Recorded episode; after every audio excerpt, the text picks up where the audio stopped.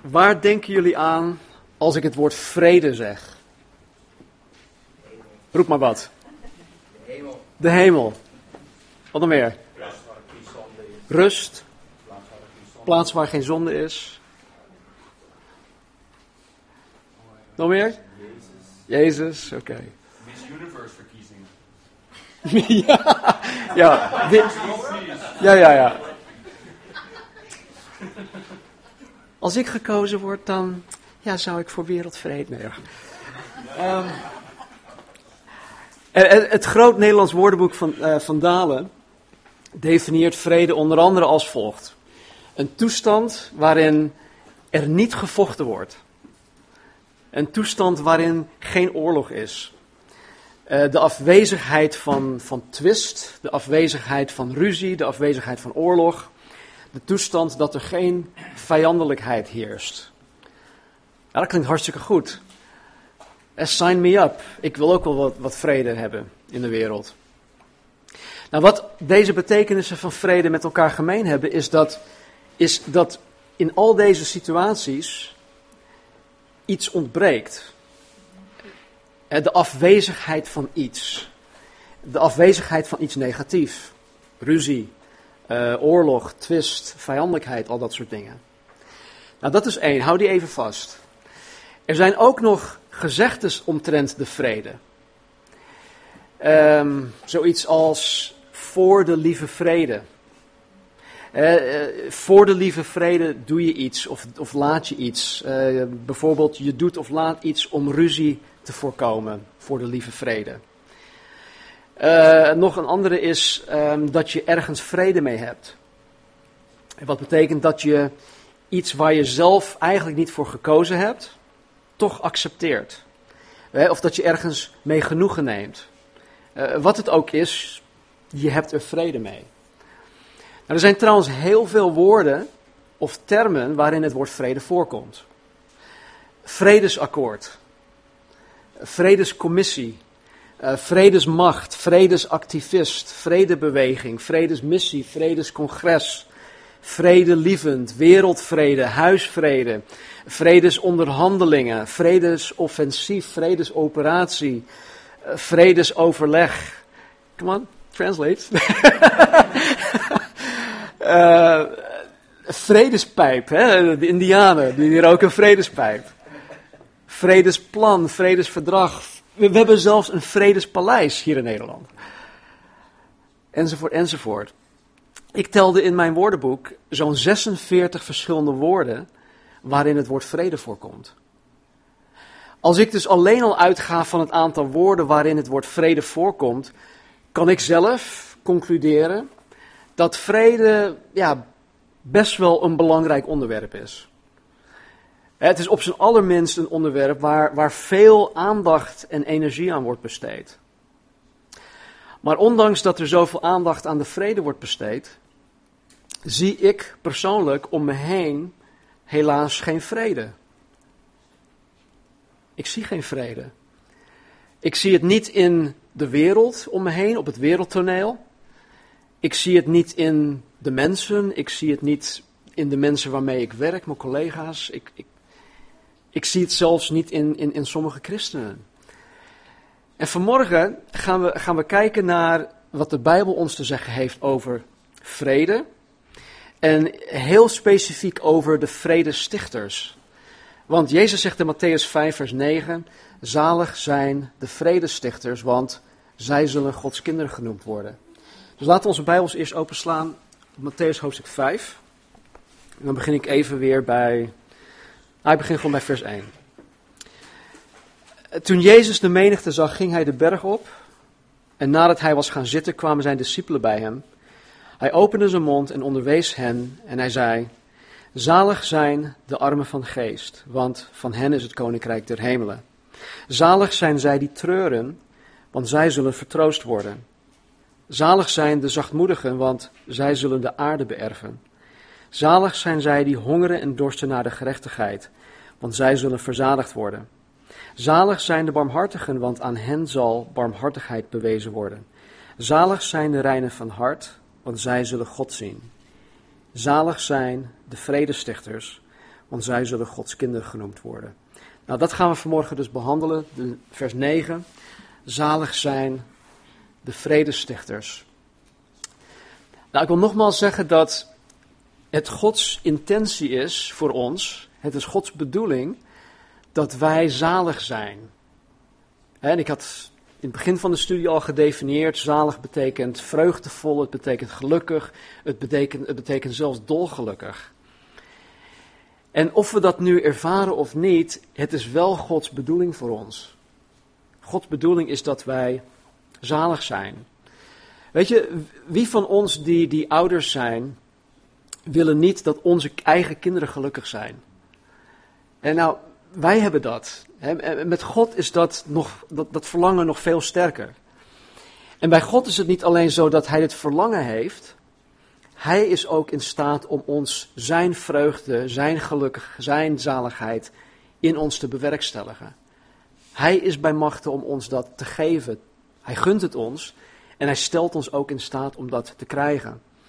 En nogmaals, Johannes 15, 11 zegt Jezus, deze dingen, alles wat in, in, in zijn speech in, in Johannes 13, 14 en 15 staat, deze dingen heb ik tot u gesproken, zegt Jezus, opdat mijn blijdschap in u zal blijven en uw blijdschap volkomen zal worden. Ik las van de week nog een stukje uit uh, Filippenzen. En in Filippenzen 4:4 staat dit. Denk even aan de situatie, de omstandigheden waarin het geschreven is. Je hebt de apostel Paulus, hij zit in een, in een soort kerker in, in, uh, in Rome. Hij is vastgeketend aan een uh, Romeinse soldaat, 24 uur per dag.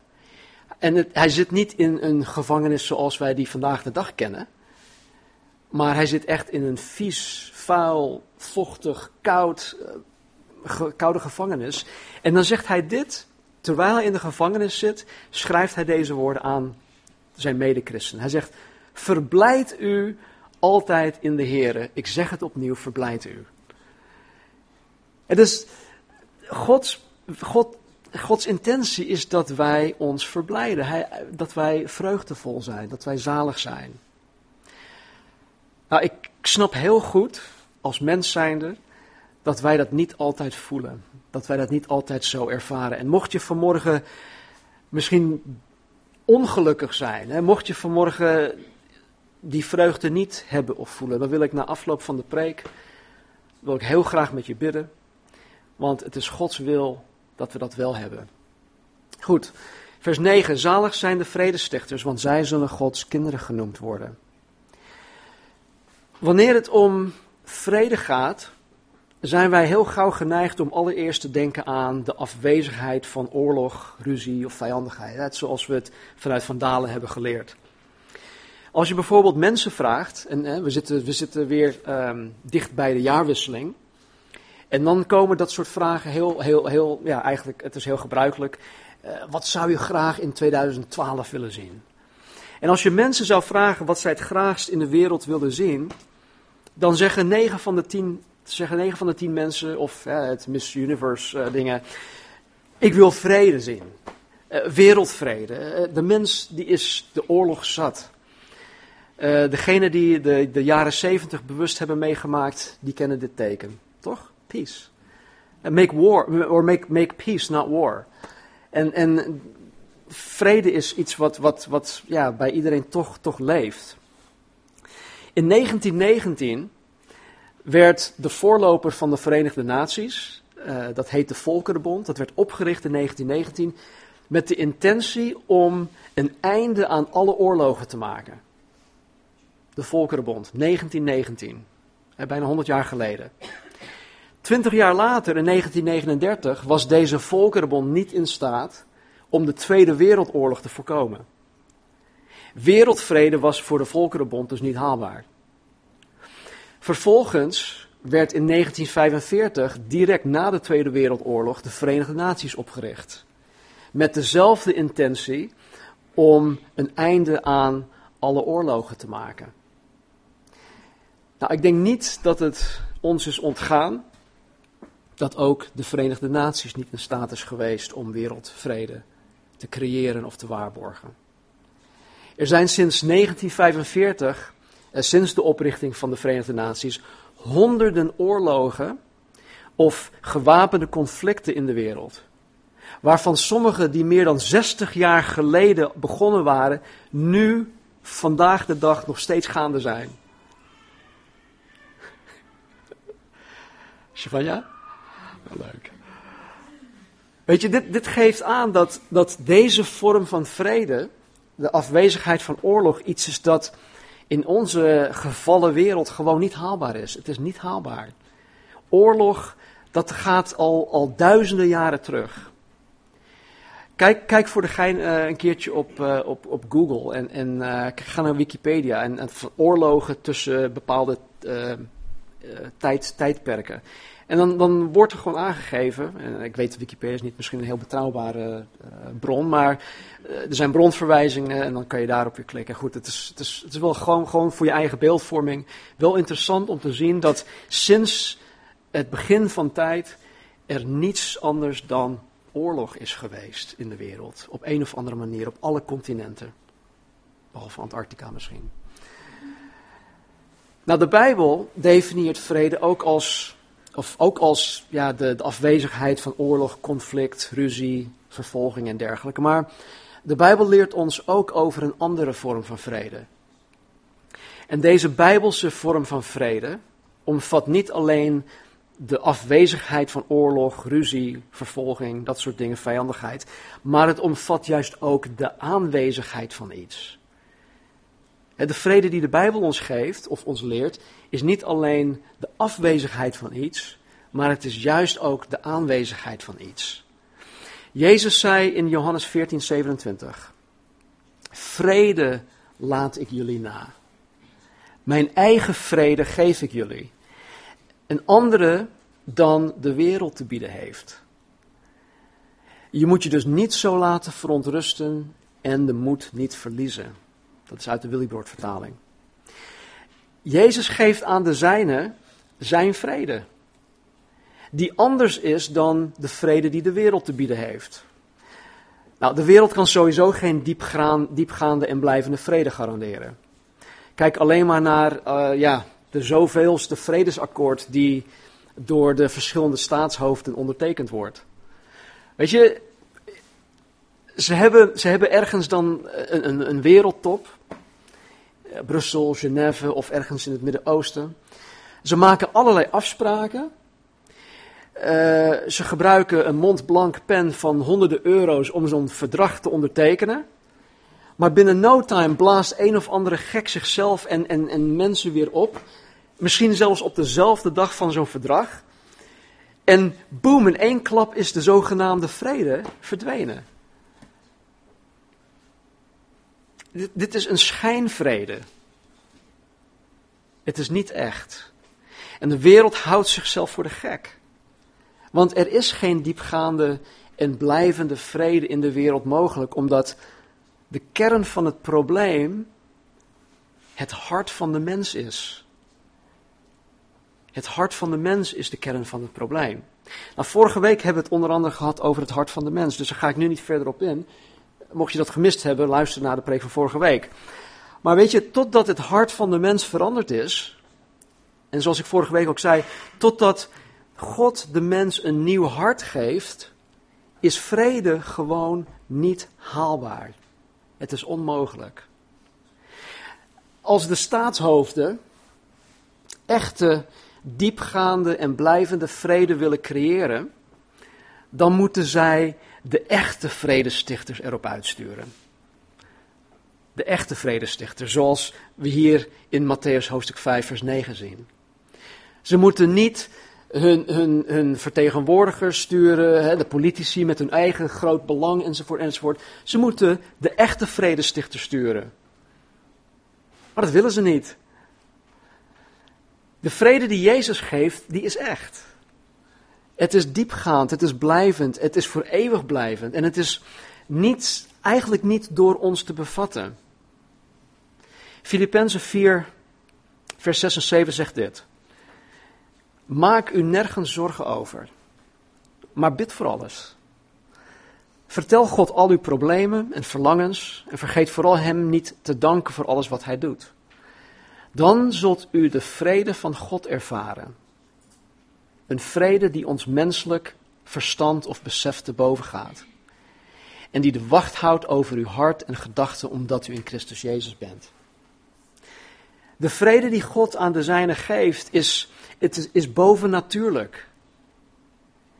Hij, het, het gaat ons menselijk verstand, ons menselijk besef, ons begrip, het gaat het te boven. Wij kunnen het niet vatten. Weet je, zo vaak bevind ik mezelf in, in omstandigheden of, of situaties waarvan je zou denken uh, dat ik me erg zor ernstig zorgen moet maken. Jullie die mij van dichtbij kennen, jullie weten waar wij als gezin doorheen zijn gegaan, waar we doorheen gaan. En ik denk vanuit een menselijk oogpunt zou je, zou je, moeten, zou je wel moeten zeggen man, moet jij je geen zorgen maken daarover? Maar door Gods woord uit dit stuk, Filippenzen 4, te kennen, door het toe te passen, door op God te vertrouwen, geeft God mij vrede in mijn hart die ik zelf totaal niet begrijp. En het is niet zo dat je dan zegt van ja, oké, maar ben je dan niet laks of zo? Of ben je dan niet. Um, maakt, uh, misschien maakt het je wel helemaal niks uit dat je dit, dit of dat hebt of doet. Nee, het, het raakt me juist wel, maar mijn God is veel groter dan mijn omstandigheden en mijn problemen. Dus vanuit mijn menselijk oogpunt zou ik inderdaad zorgen moeten maken over deze dingen. Maar in plaats van daarvan maak ik me totaal geen zorgen. En God geeft mij een hele diepe rust en vrede in mijn hart. Soms snap ik er zelf helemaal niets van. Maar ik kan wel genieten van die vrede. En daar gaat het om. God wil die vrede geven, zodat wij niet alleen vrede hebben, maar ook vreugde. En weet je, dit is op zichzelf al een geweldige getuigenis naar de wereld toe. Ik, ik had ooit een, uh, een, een, preek gehoord van, uh, van Chuck Smith. Of in een preek had hij verteld dat hij uitgenodigd werd als, uh, als de gelovige man onder honderden um, wetenschappers. En mensen met, met zulke hersenen. En hij was daar in een of andere conventie. En er waren honderden van dat soort mensen daar aanwezig. Hij was de enige die geloofde. Dat waren allemaal wetenschappers die geloofden in evolutie, die geloofden in wetenschap en, en alles behalve God. En hij werd uitgenodigd om daar dan iets te zeggen tegen deze mensen. En wat hij dan vertelde was. Ten eerste zei hij: Heer, als u mij uit deze situatie kan, kan bevrijden, zal ik dit nooit meer doen. Ik beloof het u. Maar toen zat hij daar en hij kwam naar voren toe en hij stond daar. En hij had geen flauw idee waar hij moest beginnen. Toen gaf de, de Heer hem de woorden en hij zei tegen de mensen: Mijn hart, of, of ik ervaar of ik heb 100% vrede in mijn hart. En de plaats werd muisstil. En dat greep de aandacht van al die wetenschappers die zo druk bezig zijn in hun hoofd en in hun levens om achter de waarheid te komen. de, wat ik een aantal weken geleden al, al aangehaald had over dat gebeuren in CERN en dat ze miljarden uh, spenderen aan, aan iets wat gewoon ja, zo absurd is. Ze willen, het begin willen ze gaan ontdekken, het ontstaan van het heelal. Mensen, lees gewoon Genesis 1. Het is zo simpel. Goed. Dus de Bijbelse vrede is meer dan alleen de afwezigheid van oorlog, ruzie, vijandigheid. Het is de aanwezigheid van een diepe vrede en rust in je hart. Waardoor de afwezigheid van oorlog, ruzie en vijandigheid mogelijk wordt gemaakt. Als ik vrede met God heb en de vrede van God ervaar, dan ga ik geen ruzie schoppen. Dan ga ik geen confrontaties aan met mensen. Zo, zo werkt dat nou eenmaal. als um, Ahmed Ahmadinejad van, van uh, hoe heet dat, um, Iran. Als hij zich daadwerkelijk zou bekeren, en als hij, de, als hij vrede met God zou maken en de vrede van God, die alle verstand te boven gaat, zou ervaren en, en aanvaarden, dan zou hij een hele andere kijk op de wereld hebben. dan zal hij niet zo strijdlustig zijn als, hij, als, als dat hij nu is. Dus dat ontbreekt in de wereld. Het is de vrede met God en de vrede van God. Nou, voordat de mens deze vrede van God kan ervaren zoals Jezus het aan de zijne geeft, zoals omschreven wordt in Filippenzen 4, moet de mens eerst vrede met God krijgen. Weet je, dit is misschien heel, heel moeilijk om te slikken, maar ieder mens is van nature een vijand van God. In Romeinen 5, vers 10 zegt Paulus dit. Vroeger, hij, hij, hij spreekt hier tegen christenen, dus vroeger, voordat zij tot geloof kwamen, waren wij vijanden van God, zegt hij. Maar doordat Gods Zoon zijn leven voor ons gaf, is de vijandschap veranderd in vriendschap. In Colossense hoofdstuk 1, vers 20 en 21 zegt Paulus dit. Door zijn Zoon, door Gods Zoon, heeft God een altijd durende vrede gesticht tussen zichzelf en alles wat in de hemelen en op de aarde is. Doordat Christus zich aan het kruis heeft opgeofferd en zijn bloed heeft gegeven, is er verzoening met God. En dat geldt ook voor u, zegt Paulus, die vroeger zo ver van God verwijderd was. U leefde als vijand van Hem. En dat bleek uit de slechte dingen die u dacht en deed. Het allereerste dat het Evangelie voor mij gedaan heeft, is mij met God verzoenen. Als zondaar was ik ooit Gods vijand. Maar Jezus Christus, de vredestichter, heeft mij met God de Vader verzoend. En omdat ik nu vrede met God heb, heb ik ook de vrede van God. De vrede die Jezus geeft, de vrede die alles, alle verstand te boven gaat. Jezus wordt in Jesaja 9, vers 6 de vredevorst genoemd. En deze vredevorst zegt tegen mij, tegen ons, zalig zijn de vredestichters, want zij zullen Gods kinderen genoemd worden. Jezus, de vredevorst, de vredestichter, degene die alles weet over de vrede van God, die de monopoliepositie heeft met betrekking tot Gods vrede. Hij zegt dat Gods kind, de christen, net zoals hij, een vredestichter is. Wij zijn positioneel al vredestichters. Wij zijn het. Wij moeten nu alleen nog leren hoe dat in ons dagelijks leven toe te passen. De een meer dan de ander. De een is net iets verder dan de ander daarin. En ik geloof dat, dat Jezus hiermee in dit stukje zegt dat wij, de, de vredestichters, voornamelijk op, op twee gebieden vrede horen te stichten. Wij horen voornamelijk op twee gebieden vrede te stichten. Nou, ten eerste stelt Gods kind, de christen, zichzelf als, als vredestichter op door de ongelovige mensen in zijn of haar leefwereld te helpen om met God verzoend te worden.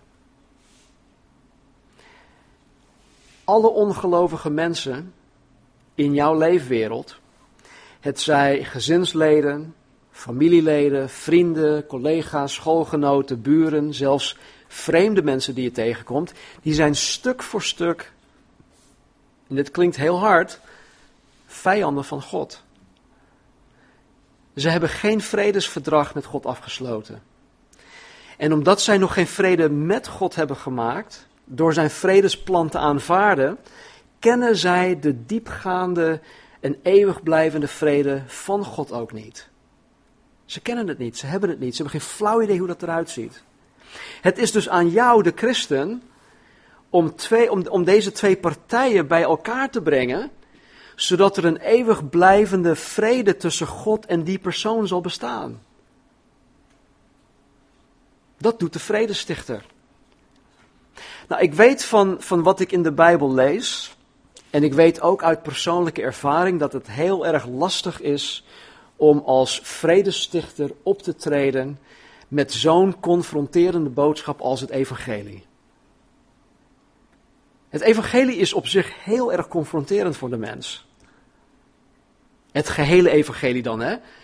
Want een aantal facetten die zijn natuurlijk geweldig. Iedereen wil dat wel.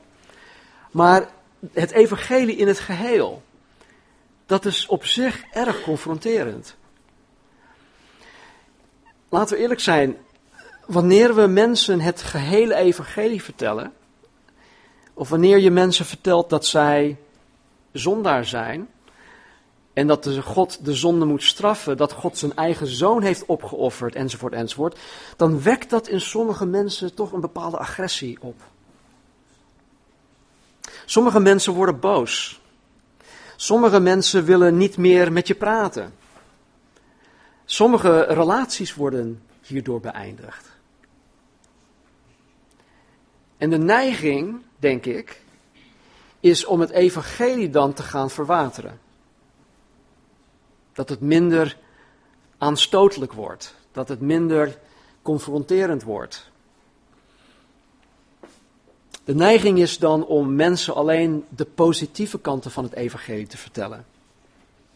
En dingen zoals God houdt van je. God houdt onvoorwaardelijk van je. God wil je vriend zijn. God heeft een plan met je leven. God uh, wil je helpen. Wil, God wil je in je dagelijks leven helpen. Hij wil je beschermen. God zal in je noden voorzien, enzovoort, enzovoort. Dat deze dingen zijn allemaal waar. Absoluut. Ja en amen. God wil mij helpen. God wil in mijn noden voorzien. Amen. Ik ben er hartstikke dankbaar voor. Maar deze dingen vormen slechts enkele facetten van het evangelie. De kern van het evangelie is onder andere de waarheid over de toestand van de mens. Dat onder andere de mens gedoemd is om voor eeuwig gescheiden te zijn van Gods aanwezigheid. Voor eeuwig gescheiden te zijn en blijven van Gods liefde, van Gods genade, van zijn vreugde, enzovoort, enzovoort. Dus nog veel meer. En wat hierin van essentieel belang is, is om te weten en daar ook naar te handelen, dat je geen echte vredestichter kan zijn als je de waarheid van Gods woord ontwijkt. Kennen jullie de gezegde, uh, zachte heelmakers maken stinkende wonden? Als ik een tumor heb ergens in mijn lichaam, dan moet dat verwijderd worden.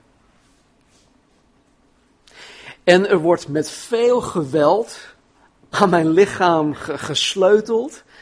Er wordt in gesneden en gehakt en noem maar op, om dat ding eruit te halen. Nou, het lijkt geen vredevolle situatie. Of vredelievende situatie. Maar het is keihard nodig. Om mij dan te verlossen van die tumor. Nou, misschien lijkt dit tegenstrijdig. Hè, want als je mensen confronteert met het volledige evangelie, dan leidt dat soms niet tot een vredig resultaat. ik had net gezegd, soms beëindigen relaties, soms worden mensen boos, soms uh, praten mensen niet meer met je. Ik ken voorgangers in de States die zelfs lichamelijk uh, aangevallen worden of werden. Door wat zij dan zeiden uh, vanaf de kansel. Mensen komen na afloop uh, naar je toe en ze slaan je gewoon. Dus het, het, het is confronterend. Maar Jezus als de vredevorst, de vredestichter, vermeed de waarheid nooit. En ook vermeed hij de confrontatie nooit. Weet je, Jezus had nooit zoiets van, nou, laten we voor de goede vrede het maar niet hebben over de zonde. Eh, of laten we het, over, uh, laten we het voor, voor, de goede vrede uh, niet hebben over de verdorvenheid van de mens. Want ja, zo schrik je de mensen af. En als je het over deze dingen hebt, dan zal je zeer zeker geen megachurch creëren. Even alle, alle gekkigheid tezijde. Maar Jezus had dat niet. Eh, en Jezus had ook nooit, nooit zoiets van, nou ik weet dat ik het niet eens ben met jullie fariseërs en schriftgeleerden, maar joh, laten we voor de goede vrede alsjeblieft alleen focussen op de dingen die wij gemeen hebben. Nee, Jezus ging de confrontatie aan. Want het verschil is, is leven en dood. eeuwig leven en eeuwige dood. Laten we even naar Matthäus hoofdstuk 10 gaan. Matthäus 10, vers 34. Jezus zegt hier: Denk niet dat ik gekomen ben om vrede te brengen op de aarde. Ik ben niet gekomen om vrede te brengen, maar het zwaard.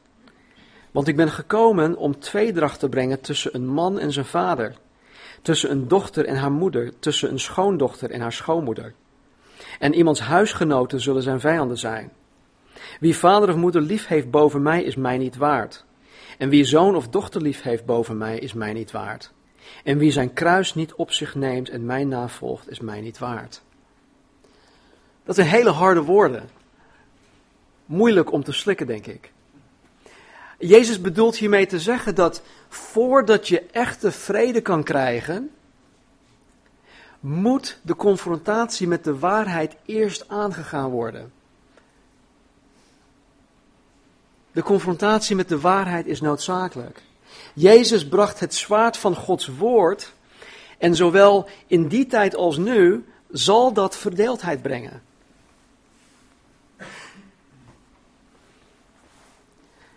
Nou, begrijp me alsjeblieft niet verkeerd. Dit is heel belangrijk.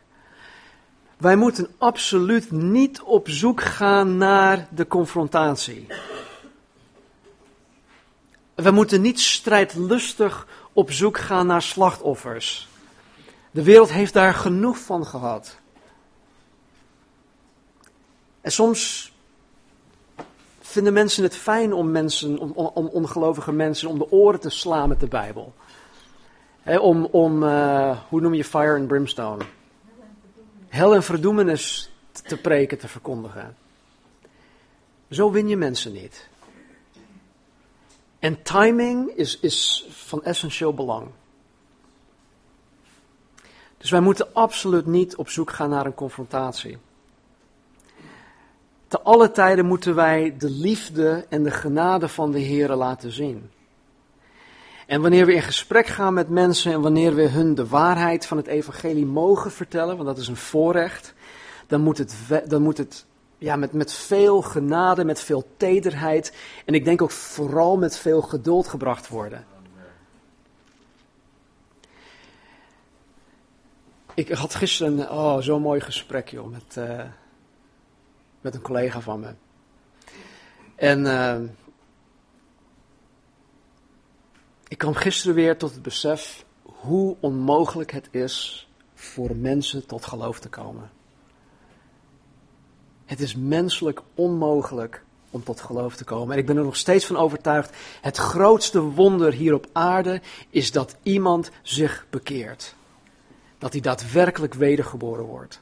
Dat is het allergrootste wonder. Deze man, een, een collega en ook een vriend van mij, die, die had zoveel goede vragen en zoveel tegenwerpingen. En weet je, ik kan, er, ik, ik kan er als mens zijn, dan kan je daar boos om worden. Want je kan ook ja maar, ja maar, ja maar. Maar zo win je mensen niet. En Marnie en ik, die, die hebben, ja, we hebben de gelegenheid gekregen om met zoveel liefde en, en, en tederheid en, en genade zijn vragen te beantwoorden, zijn tegenwerpingen uh, ja, in onze ogen teniet te doen. En hij zei, tot nu toe ben ik er nooit mee bezig geweest. Ik geloof er niet in en hij vond het allemaal ja, ik zal niet zeggen wat hij, wat, hij, wat hij zei. Maar hij vindt het dus helemaal niks. Maar hij zei wel tot nu toe. Dus ik zei tegen hem, ik zeg, ken jij nog andere wedergeboren christenen in je leven? In je, in je vriendenfamilie? Hij zegt nee. Hij zegt, ja, jullie, alleen jullie twee dan, die het zo beleven. Ik zeg, nou, weet je, dat is op, dat is, dat is op zich al geen toeval. Want God heeft Marnie en mij opgedragen om, om vrede te stichten tussen jou en God. En wat wij gaan doen voor jou, is wij gaan voor jou in de bres staan. Wij gaan voor jou bidden dat God zichzelf aan jou zal laten zien. Dat God, God jou tot zich toe zal gaan trekken. Hij zegt, of je dat nu wil of niet, dat maakt ons niet uit. Je kan ons toch niet tegenhouden. Maar wij gaan voor jou bidden. En weet je, hij ging weg met zo'n heerlijk ja, gevoel. En het is voor herhaling vatbaar. En de eerstvolgende keer mogen we bij hem. Het heeft tien jaar geduurd hè, voordat hij bij ons uiteindelijk over de vloer is gekomen. Maar hoe dan ook, het stichten van vrede mag nooit ten koste gaan van de waarheid. Weet je, Jezus zei in Johannes 8:32, u zult de waarheid kennen en de waarheid zal je vrijmaken. De waarheid van het evangelie uh, ja, zal ons vrijmaken van onder andere de vijandschap tussen God en, en de mens. Nou, als je hierin wil slagen, dan kan dat niet zonder dat je zelf één, vrede met God hebt. En twee, de vrede van God die alle verstand te boven gaat, zelf in je leven ervaart. En bovendien moet deze vrede voor andere mensen ook zichtbaar zijn. Ik denk dat als wij continu in de stress zijn, continu zorgen maken en dat ook uiten aan de wereld en mensen om ons heen, mensen, dat getuigt niet van vrede. Dus als wij hierin willen slagen om, om de twee partijen bij elkaar te brengen, om vrede te stichten tussen God en de mens, dan moeten wij zelf die vrede van God ook uitstralen. Stel je voor hè, dat, dat een, uh, een verkoper jou benadert met de ultieme oplossing voor, um, voor verkalende hoofden. En dat, dat hij dan met veel overtuiging kan vertellen dat wanneer je zijn producten of zijn methodes gebruikt, dat, je binnen een jaar weer een heel bos haar op je hoofd krijgt. Nou, dat klinkt hartstikke goed. Doe mij maar een doosje. Nee.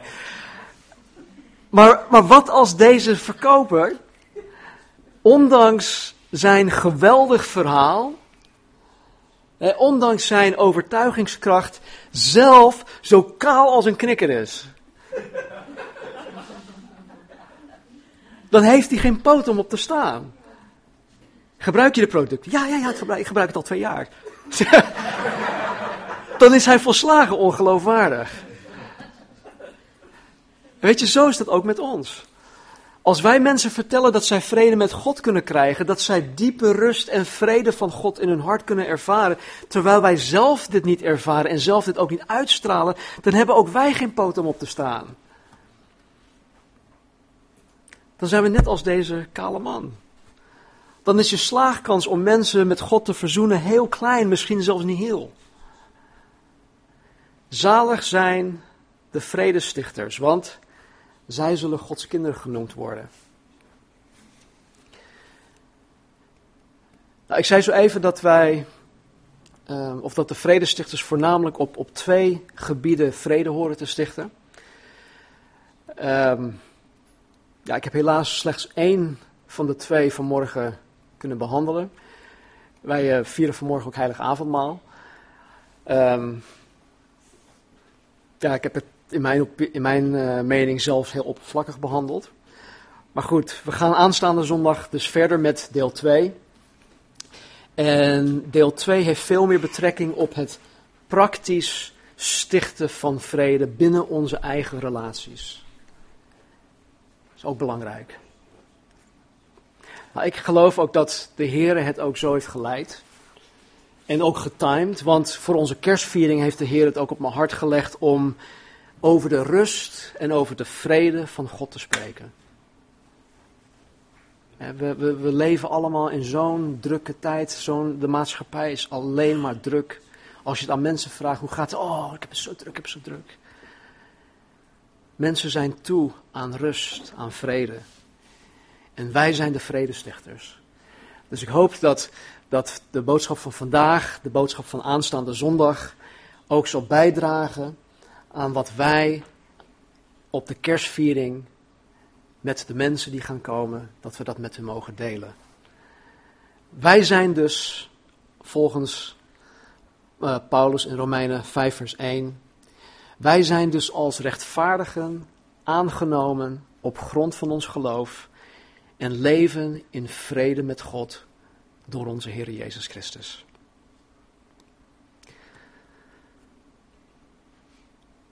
Laten we bidden. Vader, dank u wel. U bent de God van de vrede. En Heer, u bent zo ver gegaan om vrede te stichten tussen u en de mens. U hebt uw eigen zoon gegeven als een offer, een vredeoffer.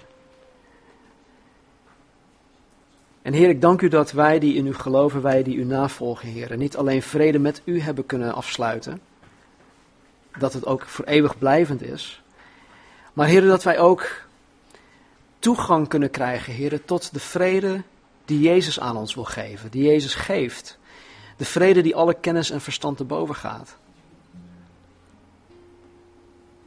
Dus Heer, ik, ik bid voor ons vanmorgen. Heer, degenen die nog geen vrede met u afgesloten hebben, Heer, bid ik dat u hun vandaag beweegt om uw vredesoffer te aanvaarden. Dat ze zeggen, Heer, ik snap het niet helemaal, maar hier ben ik. Ik wil vrede met u. En Heer, voor de rest van ons, heren, die reeds vrede met u hebben, maar heren, die zo onvredig zijn, heren, help ons alstublieft. Help degene, Vader, vanmorgen die zoveel onrust hebben. Die het zo druk hebben, heren, in hun, in hun bestaan, in hun leven. Die het zo druk in hun hoofd hebben, Vader, met zoveel dingen die op hun afkomen. Geef hun vanmorgen, Vader, alstublieft rust en vrede. In welke situatie ze zich ook uh, in vinden, in bevinden. Geef een ieder van ons de rust en de vrede die alle verstand en besef en kennis te boven gaat. U kunt het, Heer, u wil het. Het is uw intentie, uw bedoeling dat wij deze vrede ervaren. Dat wij het krijgen, dat wij het toe-eigenen. Dus help ons, Vader. En Heer, ik dank u ook dat wij vanmorgen het heilige avondmaal mogen vieren. Door het bloed van Jezus Christus hebben wij de mogelijkheid om vrede met u te maken. Dus Heer, ik dank u, Jezus, voor het feit dat u door hebt gezet, Heer. Dat u de woorden hebt gezegd in Gethsemane, niet mijn wil, maar uw wil, Vader, zal geschieden. En dat u, Jezus, vrijwillig voor mij, voor ons, tot de kruisdood bent gegaan. Om ons te verzoenen met de Vader. Om de weg te banen voor ons. En zodat wij niet alleen vrede met de Vader kunnen hebben, maar ook de vrede van de Vader. Dank u wel, Jezus. Zegen ons, Heer, we hebben u zo hard nodig. We hebben uw rust nodig, uw vrede. Help ons om het toe te kunnen eigenen. Help ons om het na te streven. Help ons om het van u af te bidden. Dank u wel. In Jezus' naam. Amen.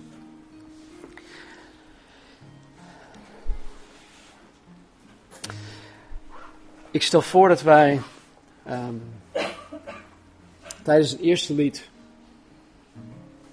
zelf vanuit je eigen plek met God in gesprek gaat. Dat wij tijdens het eerste lied dan ook vervolgens naar voren toe komen vanuit je plek. De elementen ook neemt. Terug naar je plaats neemt. En aan het eind van het eerste lied, of tweede lied misschien, zal ik terugkomen naar voren. Dat we het ook samen tegelijkertijd nuttigen. En dat we de rest van de tijd ook gewoon besteden aan lofprijs en aanbidding. En als er iemand is die die gebed nodig heeft. Als je wil van, joh, ik, ik, ik wil gewoon dat er voor me gebeden wordt. Dan zal ik hiervoor staan. Dan wil ik ook vragen of uh, Bert en Thea naar voren komen om hier ook te staan. En uh, ja, God is er. Hij, wil er. hij staat hier met zijn armen gespreid om ons in onze noden tegemoet te komen. Dus laten we dat doen. Laten we zingen en dan uh, heilige avondmaal nemen.